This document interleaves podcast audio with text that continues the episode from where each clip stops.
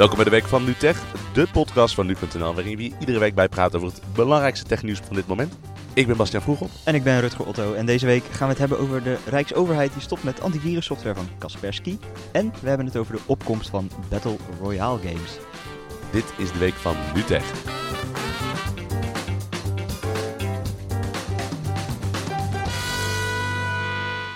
We zagen het in Amerika al een beetje opdoemen. De angst voor ja, buitenlandse softwaremakers. De Amerikaanse overheid eh, waarschuwde al heel lang voor bijvoorbeeld Chinese bedrijven zoals Huawei en ZTE, die allemaal telecomapparatuur maken. Want ja, als alle telecommasten met Huawei-apparatuur zitten, misschien kan China via die route ons gaan afluisteren. Eh, de Amerikaanse overheid stopt om dezelfde reden recent ook met het gebruik van de antivirussoftware van Kaspersky. Dat is namelijk een bedrijf dat origineel gewoon in Rusland gevestigd zit. En de angst is natuurlijk, ja, als wij straks allemaal antivirussoftware hebben van Kaspersky en de Russen maken een virus om ons af te luisteren, misschien programmeren ze die software dan zo dat, dat ze juist die malware niet hoeven te detecteren. Dat was Amerika. Nu is het in Nederland hetzelfde gebeurd, want de Nederlandse Rijksoverheid stopt helemaal met het gebruik van Kaspersky software. Ja, komt dezelfde reden als in, uh, in Amerika aan de hand is. Hè? Dus er is sprake, of tenminste er wordt vermoed dat Kaspersky mogelijk door Kremlin wordt gebruikt voor uh, spionage eigenlijk. Daar komt het op neer. Ja, er is ook geen directe aanleiding voor waarom ze dit nu opeens doen. Er is geen bewijs dat dat recent is gebeurd. Maar de veiligheidsoverwegingen zodanig van, nou, ze zitten in Rusland. We denken dat het wellicht in de toekomst kan gaan gebeuren. Dus laten we nou maar snel een maatregel nemen. Ja, er werd dus gesproken over, en ik lees het even voor, Russische offensieve digitale activiteit die onder meer op Nederland gericht is, mogelijk. Ja, we zitten natuurlijk al een tijdje in een, ja, een beetje een klimaat waarin we nogal... Ja, er is wel de, de nodige angst over Russische hackers en dat soort dingen. De Russen zijn beticht van het verspreiden van nepnieuws tijdens de Amerikaanse verkiezingen. Dus ja, de Rusland is een beetje de grote cybervijand voor de westerse wereld. Zo wordt het vaak een beetje geframed. En ja. ja. dit is natuurlijk gewoon het eerste echt heel erg praktische gevolg van dat beeld dat gecreëerd wordt hier in Nederland. Ja, precies. Ja. En het is dus, want Kaspersky heeft natuurlijk ook gereageerd. En die zei uh, wat ze altijd zeggen van wij hebben helemaal niet uh, dat soort banden met Kremlin. En we, we, we, luisteren helemaal niemand af. We spioneren niet. Ja, ze hopen zich heel erg dat Nederland zich toch gaat bedenken. Ja, ja. Of dat gaat gebeuren na zo'n order, ik kan me haast niet voorstellen. Maar... Nee, zij zeggen zelf, we zijn uh, met ons bedrijf slachtoffer van geopolitieke ontwikkelingen geworden. Ja. Nou ja, dat is denk ik wel duidelijk, want het begon natuurlijk in Amerika en nu uh, neemt Nederland dat, dat eigenlijk over. Ja, maar het is natuurlijk ook van, als je hier in het Westen zit, heb je natuurlijk al heel snel een idee van, oh jee, het is een Russisch bedrijf en uh, Rus, Rusland is zo'n totalitair regime en die gaan daar vast met hun dikke vingers in zitten, want dat kan er allemaal. Zo'n beeld wordt vaak gecreëerd over Russische partijen.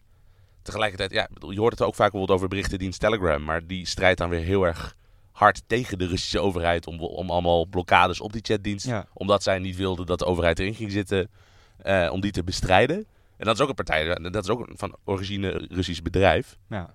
Dus ja, er is wel een mogelijkheid om daar te opereren zonder dat je helemaal samenwerkt met de overheid. Maar we hebben toch met z'n allen dat beeld dat dat eigenlijk haast niet mogelijk is. Ja, en er is dus helemaal geen bewijs dat uh, er überhaupt is gespioneerd door Kaspersky. Nee. Uh, dus ja, dat, dat komt daar ook nog eens bij. Want ze zijn ook bezig, geloof ik, om een kantoor in was het Zweden, geloof ik, of Zwitserland? Ja, en die verhuizing stond dan al op de planning. Ja, want dan, dan, ze denken van als we nu gewoon lekker uit Rusland weggaan en we worden een, gewoon een Europees bedrijf, dan uh, misschien dat andere landen ons dan weer gaan vertrouwen. Dus dat is een beetje Kaspersky's strategie. Ja. ja, het is nu wel natuurlijk, zij worden heel erg in een hoekje gedreven door dat soort uh, regeringen en, mm -hmm. en, landen. Het is maar de vraag of ze daar nog uh, te boven kunnen komen natuurlijk. Ja. Want ja, dat imago, dat, dat hangt nu wel een beetje aan ze of het nu waar is of niet. Ze gaan het dus uitfaceren, alle software van Kaspersky. dus dat betekent dat vandaag worden waarschijnlijk nog antivirus software van dat bedrijf gebruikt. Maar de komende weken, maanden, dagen zal dat langzaamaan steeds minder worden. Want ze moeten natuurlijk een alternatief vinden en bedenken wat voor risico's er zijn als ze nu van Kaspersky afstappen. En Ja. om dat allemaal op te vangen. Het initiatief geldt alleen voor de Rijksoverheid. Dus zeg maar gewoon echt nationale overheidsinstanties, ministeries en dat soort dingen. Die zullen er ook allemaal van afstappen. Gemeenten, die zijn niet verplicht om van de software van eh Kaspersky af te stappen. Maar die hebben wel het advies gekregen van... Doe alsjeblieft mee, want wij zien een risico. Ja, ja, waarom zou dat dan eigenlijk zijn? Nou, de, gemeente, de gemeenten zijn natuurlijk altijd op een zeker punt gewoon hun eigen overheid. Dus uh, dat, het is een iets andere structuur. Ik moet wel zeggen, ik geloof dat heel veel gemeenten nu ook uh, actief aan het uh, overwegen zijn om te stoppen met de Kaspersky software. Want zo'n advies, dat nemen ze natuurlijk met z'n allen serieus. Maar Kaspersky hoopt er tegelijkertijd op dat er nog zoveel gemeenten het blijven gebruiken. Dat ze daar in Nederland nog een soort van ja, verdienmodel hebben. En dat ze daar nog geld vandaan kunnen halen. Maar ik vraag me nou af, want we hebben het, we hebben het nu ook al gezien bij, eh, inderdaad, wat we al zeiden, dat bij Huawei. Die hebben ook heel veel moeite om telefoons überhaupt in Amerika te verkopen. Want iedereen, niemand durft om zo'n Chinese telefoon te kopen. Want misschien eh, ko- komen ze ons, de Amerikanen, wel eh, afluisteren.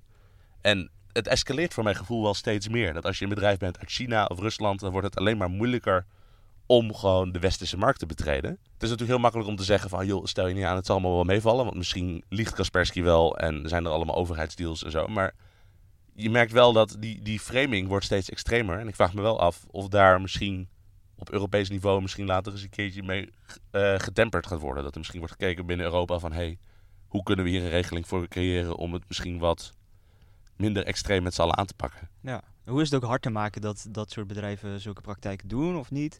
Want dat weten we niet. Ik bedoel, een, een, een merk als Huawei is in Nederland eh, wel eh, gewoon beschikbaar. Mhm. Terwijl het in de Verenigde Staten niet zo is. Eh, het lijkt erop dat dat ook wel zo blijft voorlopig. Maar dat is natuurlijk ook het eh, lastige, want als, als, eh, stel je voor, ik stil nu al jouw data van je telefoon. De, daar kan ik pas in feite op vervolgd worden als de politie daar bewijs voor heeft. En eh, dat er een aanklacht ligt en dat we naar de rechter gaan en dat soort dingen. Dan kom ik in de cel terecht. Maar er is inderdaad hier nog geen bewijs. Eh, maar voordat eh, überhaupt bewezen is dat er iets is, eh, zijn de gevolgen er al. Dus het is eigenlijk... Ja. Ik, bedoel, ik snap het ergens ook, want de gevolgen zijn natuurlijk veel groter bij zo'n groot internationaal toneel. Maar het, is, ja, het, het voelt oneerlijk ergens. Ja, ja, in de rechtbank is het altijd zo dat je onschuldig bent totdat je schuldig bent verklaard, hè? ja. Order in the court! Ja, en dan was er deze week de aankondiging van Call of Duty Black Ops 4. Ja. En daaraan viel vooral op dat zij nu eh, voor het eerst een Battle Royale modus introduceren. Ja. Misschien moeten we even uitleggen wat dat is eh, voordat we helemaal de diepte ingaan. Ja, Battle Royale, dat is een, een game modus die eh, vooral bekend is op dit moment van eh, de spellen PlayerUnknown's Battleground en Fortnite. Ja. En het idee daarvan is dat je met heel veel man in een level wordt gezet. In het geval van- meestal toch? Meestal zijn het er 100 inderdaad. En de bedoeling is dat er eentje van overblijft en dat is dan de winnaar. Ja, de naam is ook een beetje geïnspireerd geloof ik door de oude Japanse eh, film en ik geloof ook boek of strip of zoiets. Battle Royale, waarbij allemaal studenten op een eiland werden gegooid eh, met dezelfde missie. Ja. Was een vrij lugubere film, maar in een game is het natuurlijk wel een handig concept om eh, naar te streven. Ja, allemaal online dus. Hè? Dus je Ja. speelt tegen echte mensen. En dat maakt het natuurlijk ook wel wat spannender. Maar het is natuurlijk interessant dat Call of Duty was natuurlijk heel lang gewoon een van de best verkopende games ter wereld. Ja. Ik weet de exacte verkoopcijfers van de meest recente games niet, maar het is natuurlijk nog een ontzettend populair eh, schietspel. Maar tegelijkertijd zitten we nu in een wereld waarin, ja, we hebben, we hebben het in de podcast geloof ik nog heel uitgebreid over Fortnite gehad, maar dat is nu op momenten zo'n gigantisch fenomeen. Ja, Dat is dus een eh, gratis eh, Battle Royale game die je kunt spelen op je spelcomputer, op je PC en zelfs op je smartphone inmiddels. Wordt door 45 miljoen mensen wereldwijd wordt op het moment gespeeld. ja. Op ieder moment zijn er gemiddeld 3 miljoen mensen tegelijkertijd die game op dat moment aan het spelen. Ja, het zijn best wel bizarre cijfers eigenlijk. Ja, Het is, wat dat betreft heeft een, een Fortnite natuurlijk wel ook een voordeel eh, ten opzichte van andere games. Omdat het helemaal gratis is, in principe. Hè, je kunt natuurlijk wel betalen en dan eh, voor pakjes vrij te spelen. ja, want de nummer 2, dat is eh PlayerUnknown's Battlegrounds, PUBG, Ja.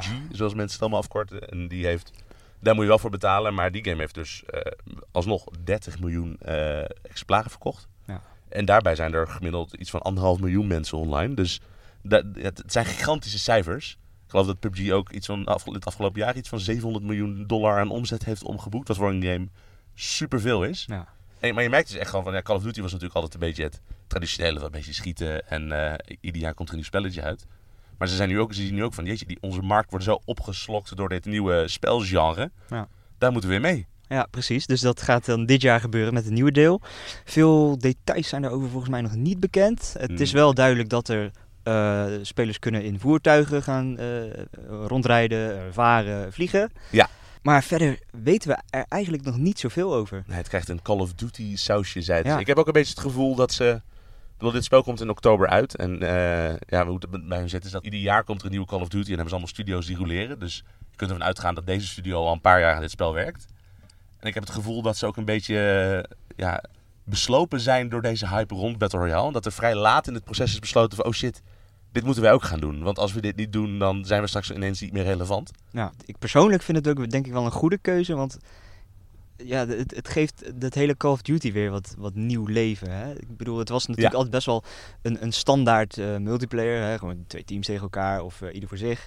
En, en nu proberen ze dan weer een heel nieuwe markt aan te boren eigenlijk. Of misschien wel de mensen die ze zijn verloren aan Fortnite en PUBG. Ja. Die dan weer terugkeren. Dus ja, het is, het is, een, het is een spannende zet. En het is nu een van de eerste ga- bekende eh gameseries die eh, die overstap maakt.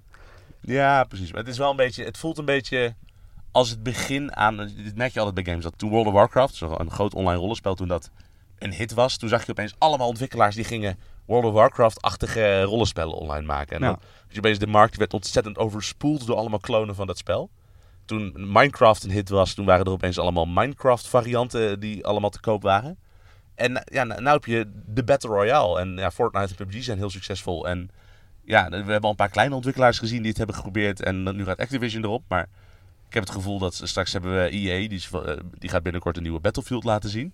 Het zou me niks verbazen, zelfs bij, bij Battlefield past het ook al helemaal. Dat is al een spel op een vrij grote kaart. Ja. Ik denk dat daar ook gewoon een Battle Royale in zit. En ik denk dat als er een nieuwe Halo komt van Microsoft, dus een science fiction schietspel, komt waarschijnlijk ook een Battle Royale in. En we zitten nu een beetje in die trend. En ik vraag me af hoeveel jaar dat ook gaat duren voordat het een beetje gesetteld is. Maar Ja, ja, precies. Ik weet niet hoeveel tijd eh, de, de mensen hebben om heel veel van dat soort games te spelen. je wordt maar- er ook een beetje moe van als speler na een tijdje, zou je zeggen. Maar Ja, ja, en toch doet dan net elke game weer net iets anders, waardoor het weer interessant blijft. Nou, we zijn Eh, volgende maand zijn we op eh, de Gamebeurs E3. En nou, ik stel voor, we gaan gewoon tellen hoeveel Battle Royale games we daar tegen gaan komen. En dat was hem weer voor deze week van NuTech. Volgende week zijn we er weer. En tot die tijd kun je ons bereiken in de Nu.nl app. Op de website Nu.nl. Je kunt ons mailen op tech.nu.nl. Je kunt ons bereiken op Twitter en op Facebook. En dat was hem. Ik zeg tot volgende week. Tot volgende week.